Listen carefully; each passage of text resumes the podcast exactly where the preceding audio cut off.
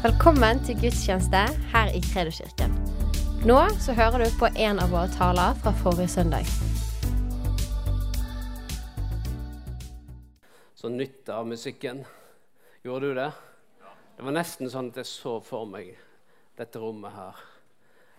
Med lys og kaffe. Lukta kaffe, lukta mat og folk bare trivdes, så sitter det en gjeng her og bare spiller i bakgrunnen mens du nyter en bedre måltid, hvor du har invitert med deg en god venn, og så sitter du her i Kredokirken og så bare koser deg. Ja? Jeg vet ikke hva du så for deg. Nei, jeg så for meg Nei. Det er så mange muligheter som vi har, så uh, vi er takknemlige. Og eh, vi tror at dette rommet her, det skal være en plass hvor det myldrer. En plass hvor det skapes relasjoner, hvor det skapes tro, hvor det skjer ting i menneskets hjerte.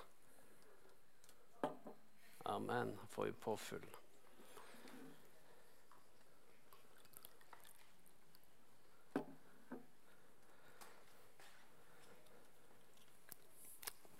I går på en og en halv time så fjerner vi teppene inne i salen. Så hvis du så en liten rest igjen, så bare for at ikke vi skal glemme, så skal det ligge en sånn rest igjen. At ikke vi glemmer hvordan det så ut. Sant? Det var det Israel sa. Han fikk beskjed om de måtte ikke glemme hvordan det var i Egypt. Nei, så Det var bare fordi det var søndag, og uh, det var greit at uh, vi kunne gå på teppet i dag òg. Men, eh, så det skjer saker der inne òg som vi gleder oss til på en måte å få rydde denne, dette rommet, sånn at vi kan rigge det til sånn som det skal være. Og at vi kan uh, fylle opp salen der inne. Så uh, det blir så spennende. Så det er bra. Yes. Jeg gleder meg til å snakke til dere i dag. Er du klar? Det var noen her som var klar. Dere andre, da? Ja, det er bra. Jeg tror du er klar. Og, eh, det er slik at eh, Gud kaller, og han gir oppdrag. Og Det er det jeg vil berøre litt i dag. At Gud kaller, og han gir oppdrag. Og eh, eh vi, vi, finner dette veldig tydelig allerede i første Mosebok kapittel 12, hvor Abraham han holder på med sine ting med sin slekt og med sin familie. Og så eh,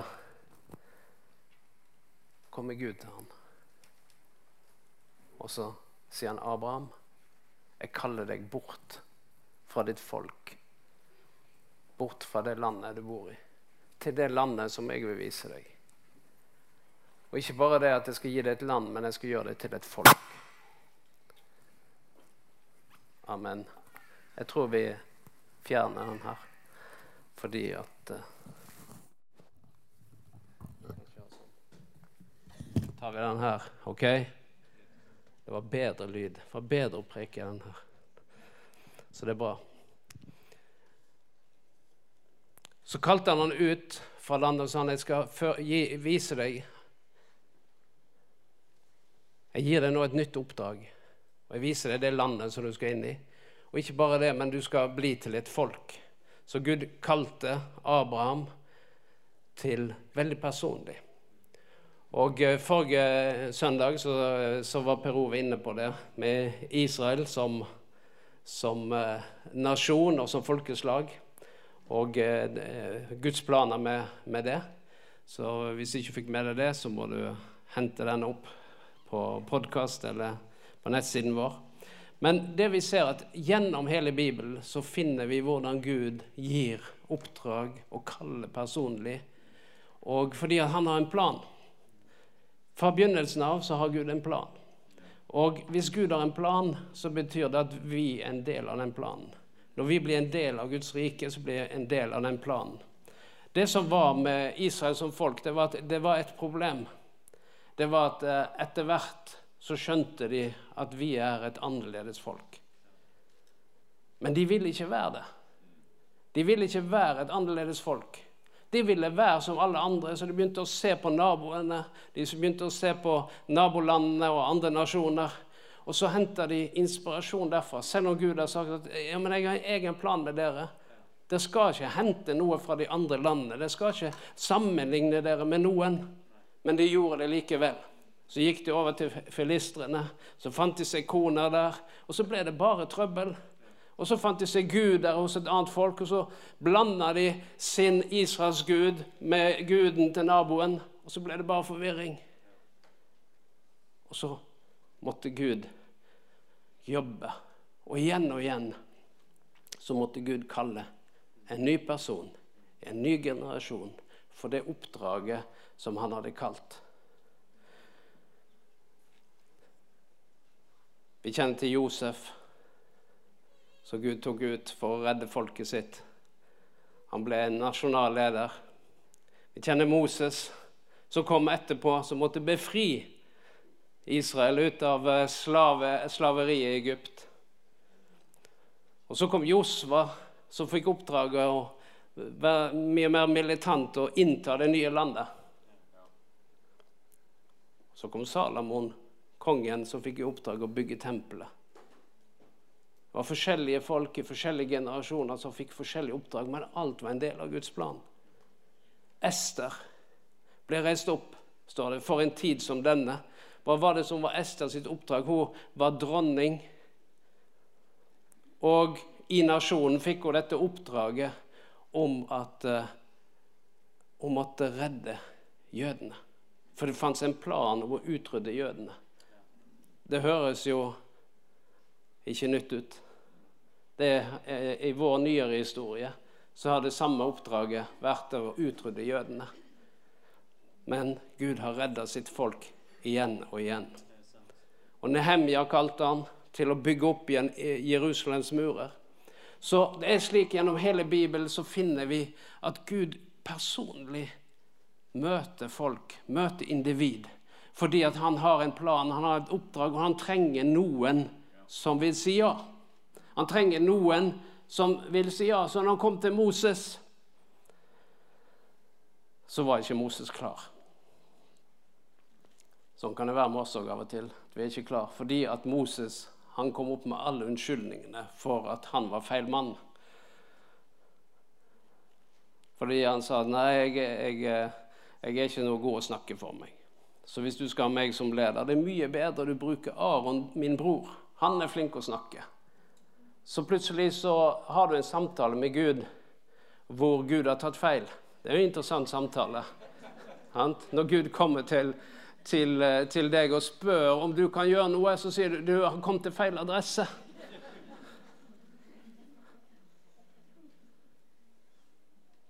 Men når Gud kommer til oss, så er det fordi det er oss han vil snakke med så er det fordi at det, det, er noe han trenger, som han har lagt ned i våre liv, som kanskje ikke vi er klar over selv engang. At Gud har lagt noe ned i våre liv, og plutselig så, så sier Gud ja, men jeg vil at du skal ta et steg fram. Fordi at jeg har en plan, og jeg trenger deg i den planen. Og plutselig tar du dette steget fram, og så våkner noe til livet som du kanskje ikke var klar over bodde der som du kanskje ikke var forsto. Og så er det slik at Gud han bruker oss slik som vi er, men han istandsetter oss til det vi skal gjøre. Så han tar oss fra der vi er, og det var det han gjorde med Abraham. Han kalte han ut av den plassen han var, og så tok han han og begynte å lede han inn til det landet som, som Gud hadde for for han og hans folk. Så Derfor så er det slik at Gud han forholdt seg til individene i Israel, men han holdt seg òg til hele nasjonen. Og Dette er et eksempel for oss når vi tenker på eh, individ og Guds menighet. Så er det slik at Gud forholder seg til oss som individ. Samtidig så forholder han seg til oss som menighet. Han sier at dere er Guds folk. Vi er Guds rike. Så han leder individet, og så kan han lede oss som folk, som fellesskap, på samme, måte, på samme tid. Og disse to dynamikkene de henger sammen. Og eh, det er jo slik at eh, når Gud da har en plan, så har han en plan med oss, og så har han en plan med sin menighet. Og eh, Eh, 1. Timoteus 2, vers 4, der står det at eh, Gud vil at alle mennesker skal bli frelst. Og det har vært Guds plan fra begynnelsen av. Å frelse menneskeheten. Han jobber med det hele tiden. Så når han hadde eh, en plan med Israel, så var det fordi han skulle frelse Israel som nasjon. Men ikke bare det, fordi han skulle frelse både jøder og hedninger. Og da er vi hedningene. Vi er de andre. Det er jødene og de andre, og da er vi de andre. Mens vi vil gjerne putte oss over i sentrum av det som Gud gjør. Men det er ikke vi og de andre jødene. Nei, det er jødene og de andre, og vi er de andre.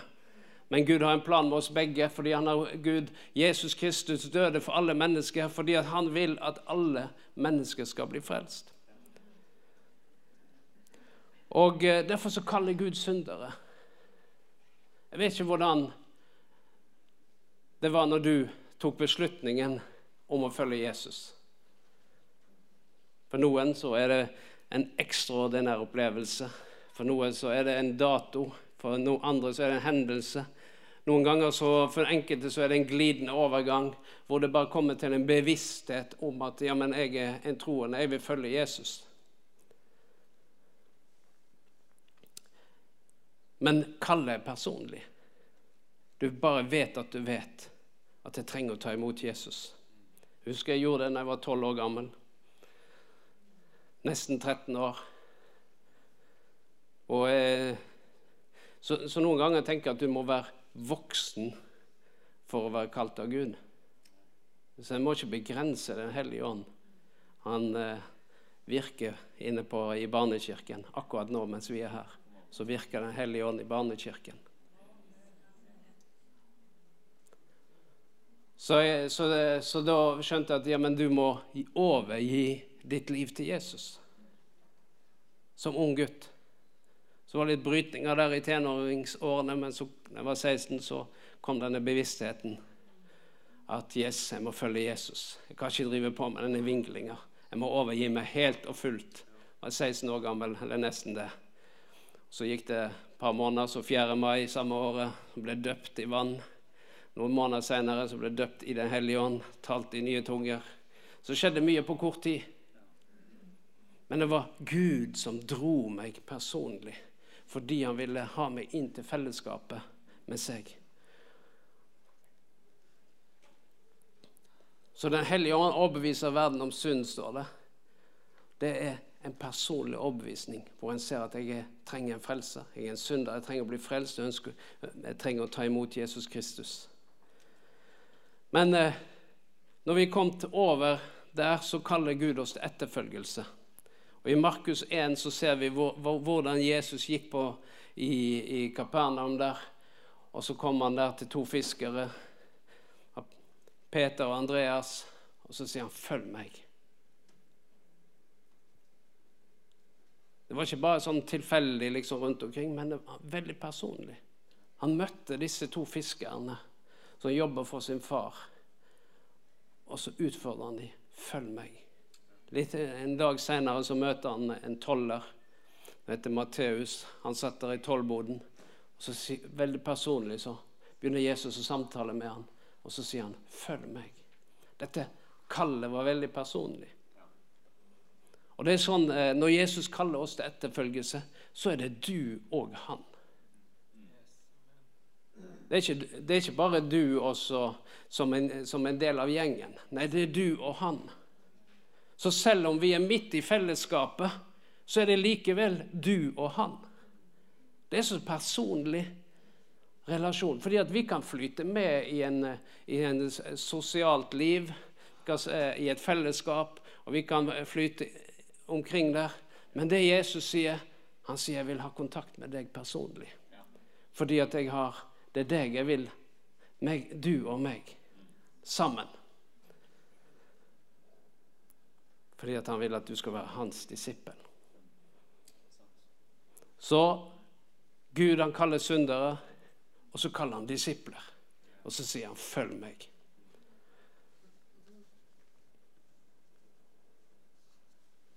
Så det eneste han trenger, det er en respons og sier ja, jeg vil følge deg.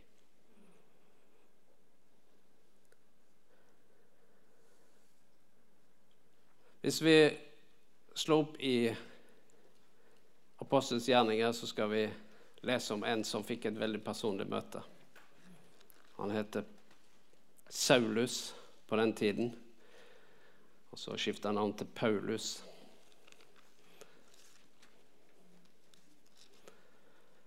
Men her er det slik at uh, Paulus han kom i, i, avhør hos kong Agrippa. Og der i dette avhøret så, så forteller Paulus om noe som skjedde. Et veldig personlig møte. Fordi det var slik at Paulus trodde at han tjente Gud. Paulus trodde at han var på rett vei når han var på vei til Damaskus for å arrestere de kristne. så på, Da hadde han et, sitt første misjonsoppdrag, trodde han. Det var å arrestere de kristne, ødelegge Guds menighet. Han var overbevist om at han var på oppdrag fra Gud. Men der på veien så skjer det noen ting. Og Der står det i vers 13. Eh, Ved midnattstid, mens jeg var på vei, konge, til Damaskus, så jeg et lys fra himmelen. Det var klarere enn sol og skinte rundt meg og dem som reiste sammen med meg. Og da vi alle hadde falt til jorden, hørte jeg en, en stemme som talte til meg og sa på hebraisk.: Saul, Saul, hvorfor forfølger du meg? Det blir hardt for deg å stampe mot brodden. Da sa jeg, hvem er du, Herre? Og han sa, Jeg er Jesus, han som du forfølger. Men reis deg nå, stå på føttene dine, for jeg har åpenbart meg for deg med den hensikt å gjøre deg til en tjener og vitne, både om det du har sett, og om det jeg ennå skal åpenbare deg. Og vers 19.: Derfor, kong Agrippa, ble jeg ikke ulydig mot det himmelske syn. Det vi ser her, at Paulus får et veldig personlig møte med Jesus. Og i dette personlige møtet med Jesus så kaller Jesus Paulus til oppdrag. Til det oppdraget som skulle være hans oppdrag resten av hans liv. Og, eh, og så si, Dette her er jo nesten i slutten av hans liv, det er i hvert fall i, i et, etter misjonsreisene. At han er, er disse, og, og, skal sendes til, til Roma der. Men i hvert fall så sier han det. Og jeg har ikke vært ulydig mot de himmelske syn. Så på en måte så står Paulus der, og så ser han seg tilbake på de årene. På den hendelsen. Og så ser han på hva har skjedd mellom den hendelsen og der jeg er nå. Jo, jeg har ikke vært ulydig mot det himmelske syn. Altså Han fikk et kall, han fikk et oppdrag, og, han, og, og en annen plass så sier han at 'jeg har fullført løpet og bevart troen'. Og det er det som er Guds tanke med hver enkelt en av oss. Det er det at vi har et løp som ser annerledes ut for hver enkelt en av oss. Men målet er at vi skal fullføre det løpet som han har lagt opp for oss, som han har kalt oss til. Og det er det Paulus han, han var ikke helt i mål, men han, sier, han, står her og sier jeg har ikke vært ulydig mot det kallet og mot det synet, mot det oppdraget som jeg fikk. Men jeg springer med det, og jeg vil fullføre det. så er det jo sånn at det er ikke alle som får en sånt radikalt møte med Jesus. Hvor det dukker opp et lys på veien. Du blir slått til marken. Du går blind i tre dager. Så kommer det en annen og legger hendene på deg og får synet tilbake. Og så kaller Gud deg til oppdrag. Og det virker veldig heftig. Men det var et ganske heftig oppdrag han fikk òg. Og jeg tror noen ganger så er det sånn at vi trenger no, når, når, vi skal kjempe de store kampene, så trenger vi noen ganger noen heftig til å kjempe med. Et ord ifra Gud, en opplevelse, et eller annet som vi kan vende tilbake til og si at 'der kalte Gud meg', der talte Gud til meg. Jeg vet det for min egen del. Når jeg fikk oppdraget om å bli leder i, i Levende Ord i Kredokirken, så trengte jeg en veldig tydelig tale, og det fikk jeg. Jeg fikk en veldig tydelig kall fordi Herren visste at jeg trengte deg det i forhold til de kampene som kom. Så noen ganger så er det slik at Gud gir oss spesielle oppdrag som er så krevende at du trenger veldig tydelig tale for å vite at ja, men det var Herren som kalte det, er Han som har bedt meg om å gjøre dette. Jeg tror Moses han trengte det så tydelig, denne brennende busken, fordi det var litt av noe fighter han sto innenfor. Og han, eh, Gud lot denne flammen og Guds tale komme der fordi Moses trengte noe å se tilbake på. Abraham, da sa han, se på stjernene på himmelen, se på sanden. Sånn skal din slekt og, slekt og din ett bli. Hvorfor det? Jo, fordi Abraham trengte noe å se på. Så når han løfta blikket på natten når han var fortvila, så så han stjernene. Yes, ok, det er sånn min slekt skal vi. Jeg hadde ingen sønn, men likevel. Og når han var deprimert på dagen, gikk og sparka i sanden, så kom han på å ja, det er sånn slekten min skal bli. Men jeg har ingen sønn. Noen ganger så ser ting slik ut at vi mister horisonten. Vi mister gangsynet. Vi mister retningen. Og da er det så bra å ha noe å gå tilbake til. Men det er ikke sikkert du har noe så konkret.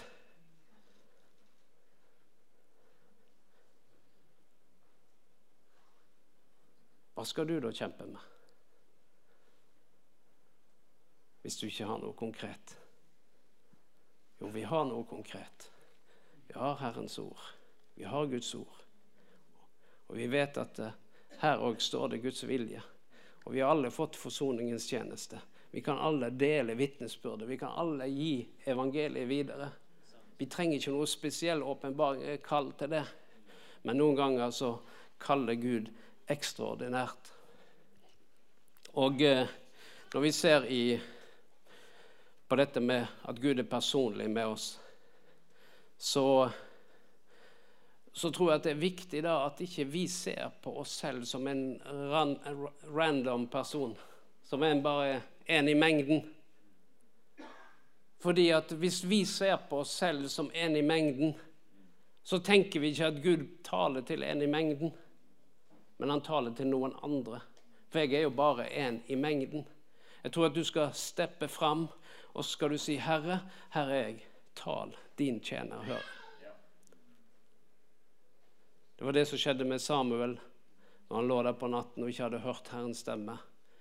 Så sa Eli, 'Ja, men du må stige ut. Du må si, 'Tal. Tal, Herre. Din tjener hører.'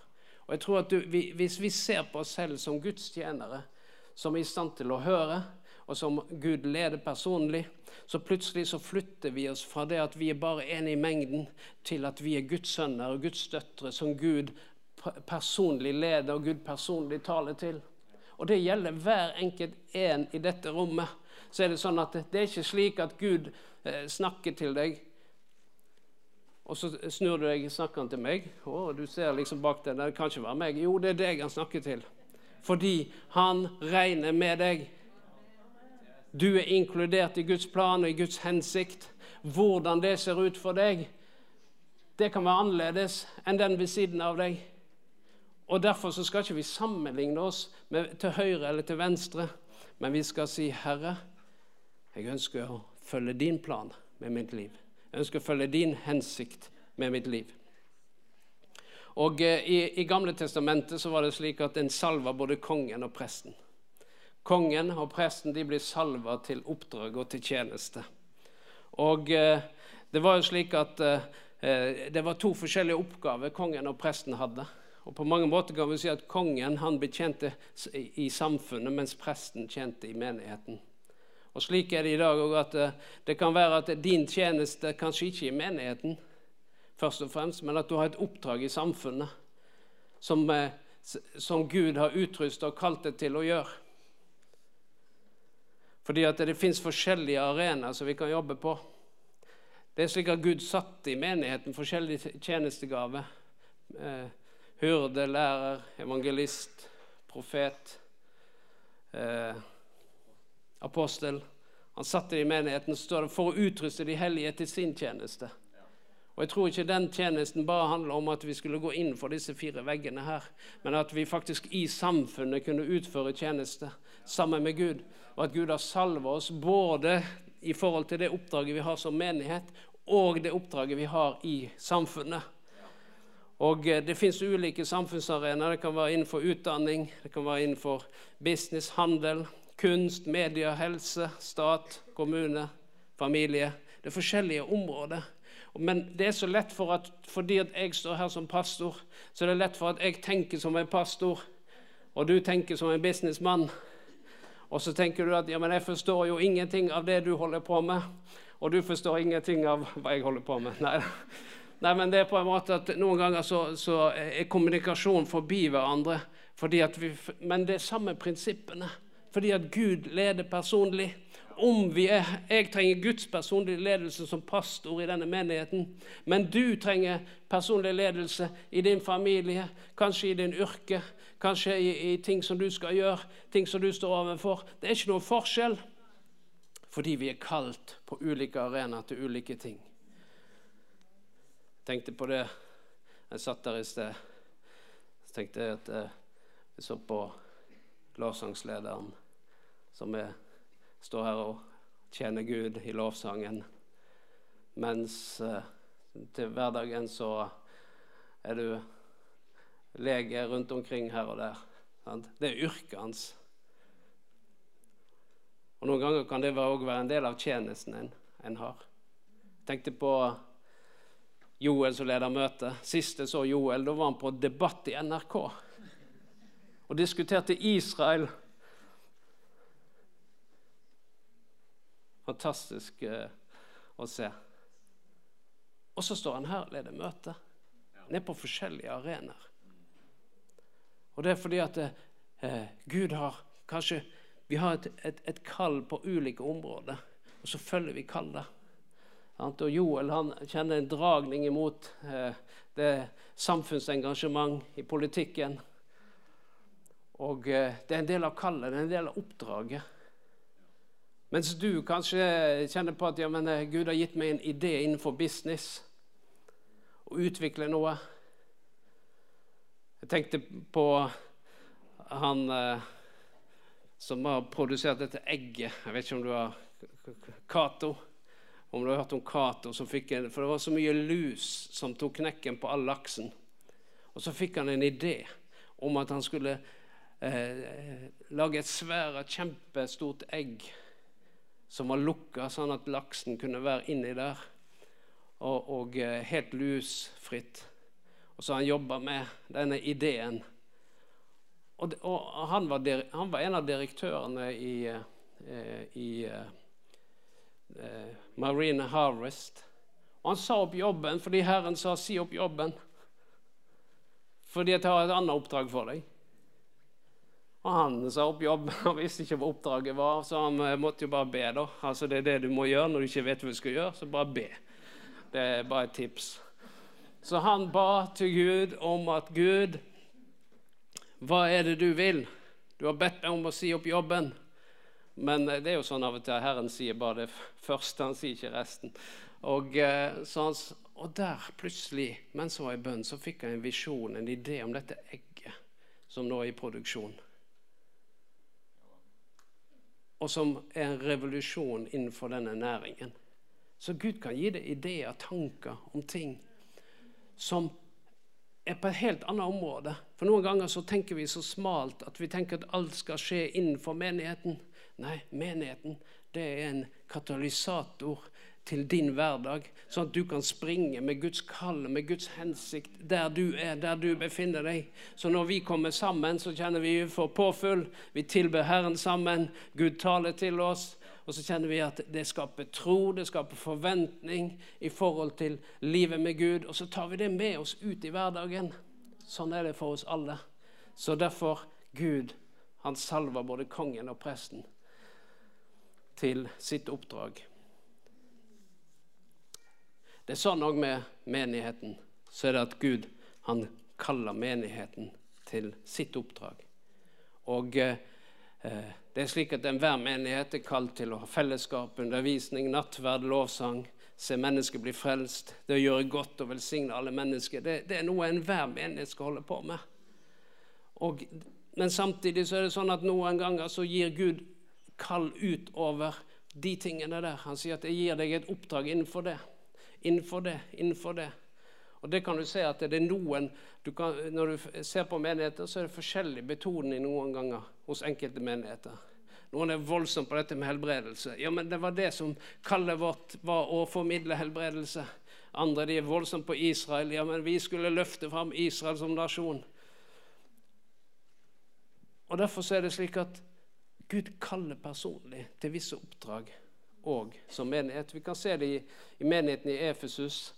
Så står det at de ble der i to år. Men det handler ikke bare om Efesus, det handler om at evangeliet ble spredt i hele Asia.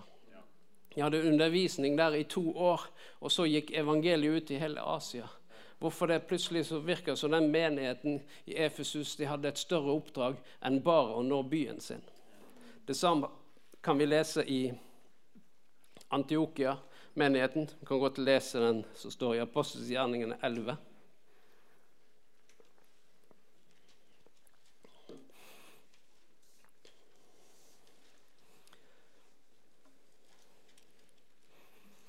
Kapittel 11.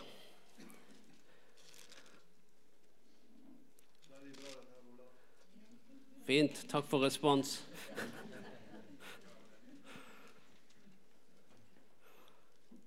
Vers 25. Eh, Så reiste Barnabas derfra til Tarsus for å oppsøke Saulus.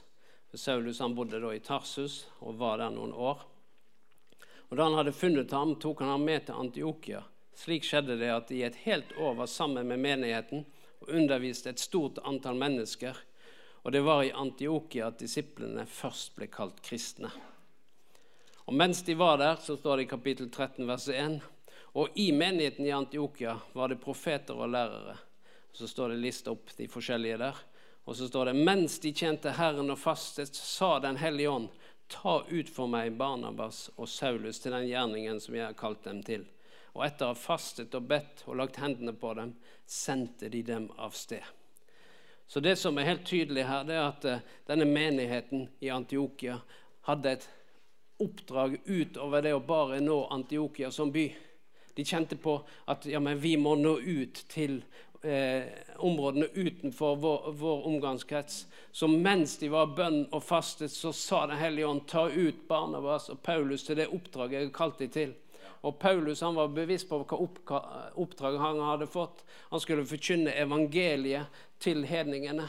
Og det var hans første. Så la de hendene på dem, og så sendte de dem ut. De var utsendt av menigheten i Antiokia til det oppdraget som Gud hadde kalt dem til.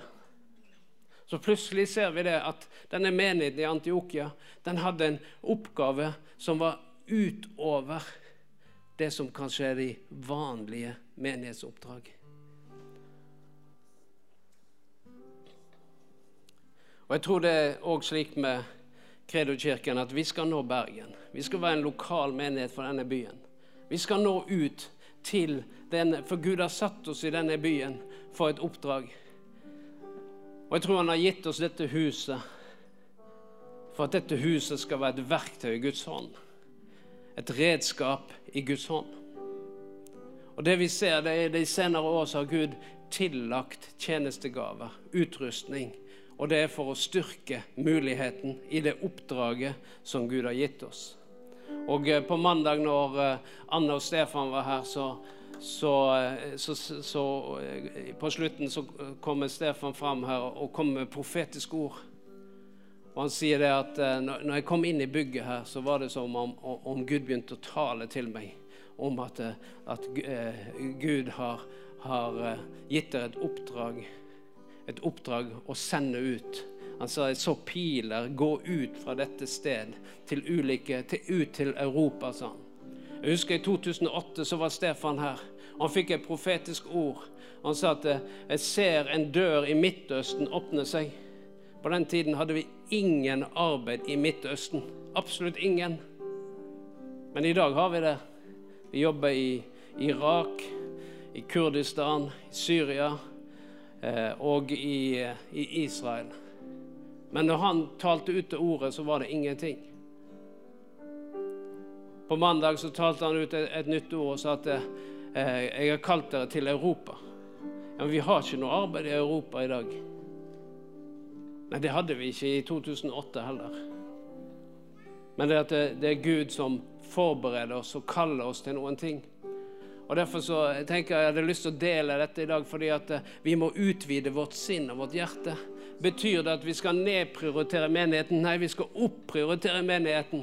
Den lokale menigheten den skal bli solid, den skal bli sterk. Den skal være bærekraftig, og vi skal nå så mange som mulig i denne byen. Men det stopper ikke der, fordi at Gud har kalt oss til noe mer. Men hvordan skal det gå til? Nei, du må ikke spørre meg.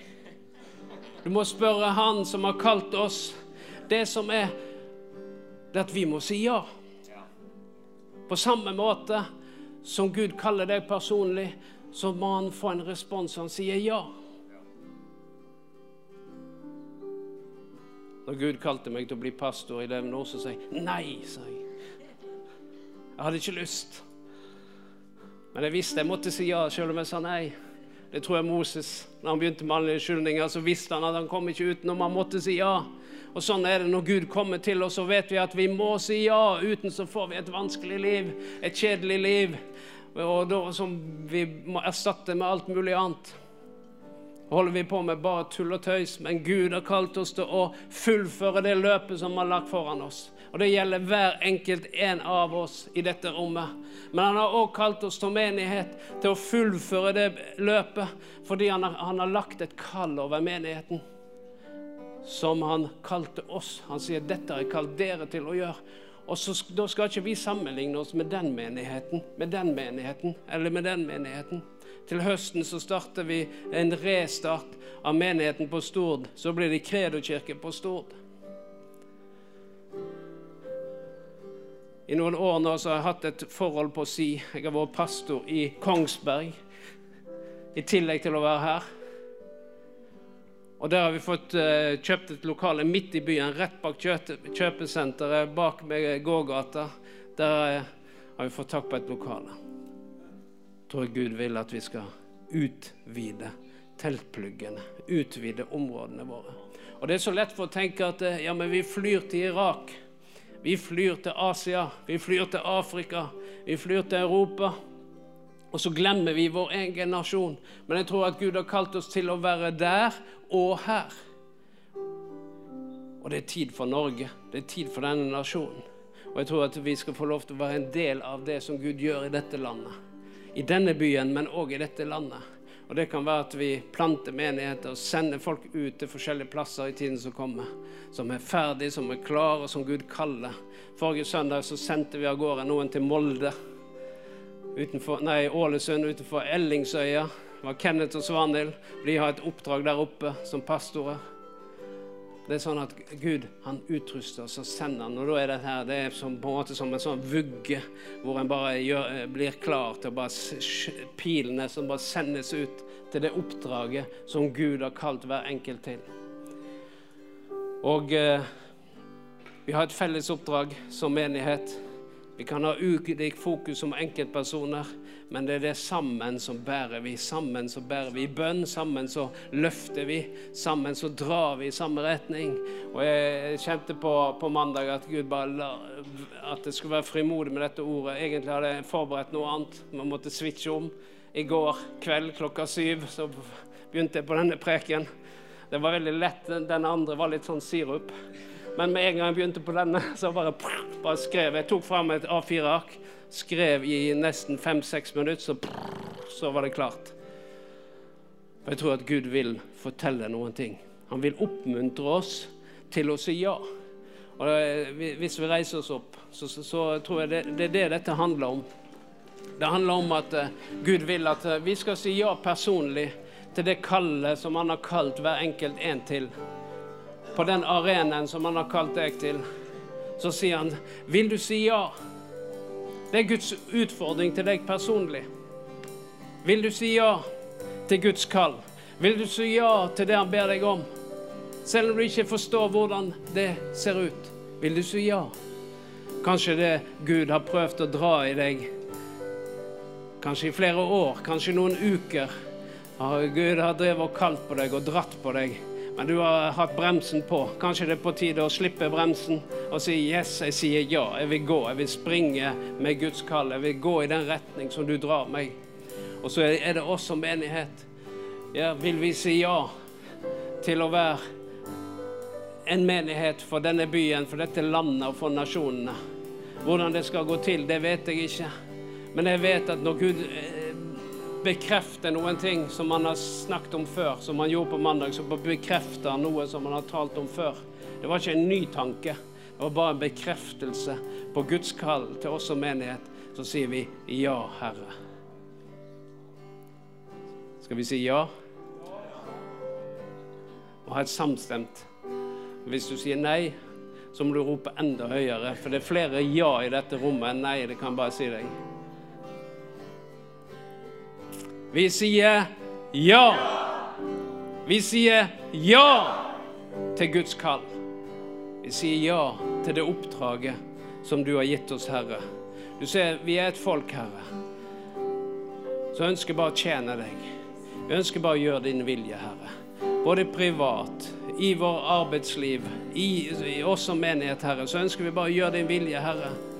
Og Derfor vet vi, Herre, at det er du som bygger huset. Det eneste vi, vi trenger, det er å si ja til deg og det som du ønsker med dette hus og med oss som individ. Så nå, Herre, så sier du hvem vil gå? Hvem vil gå?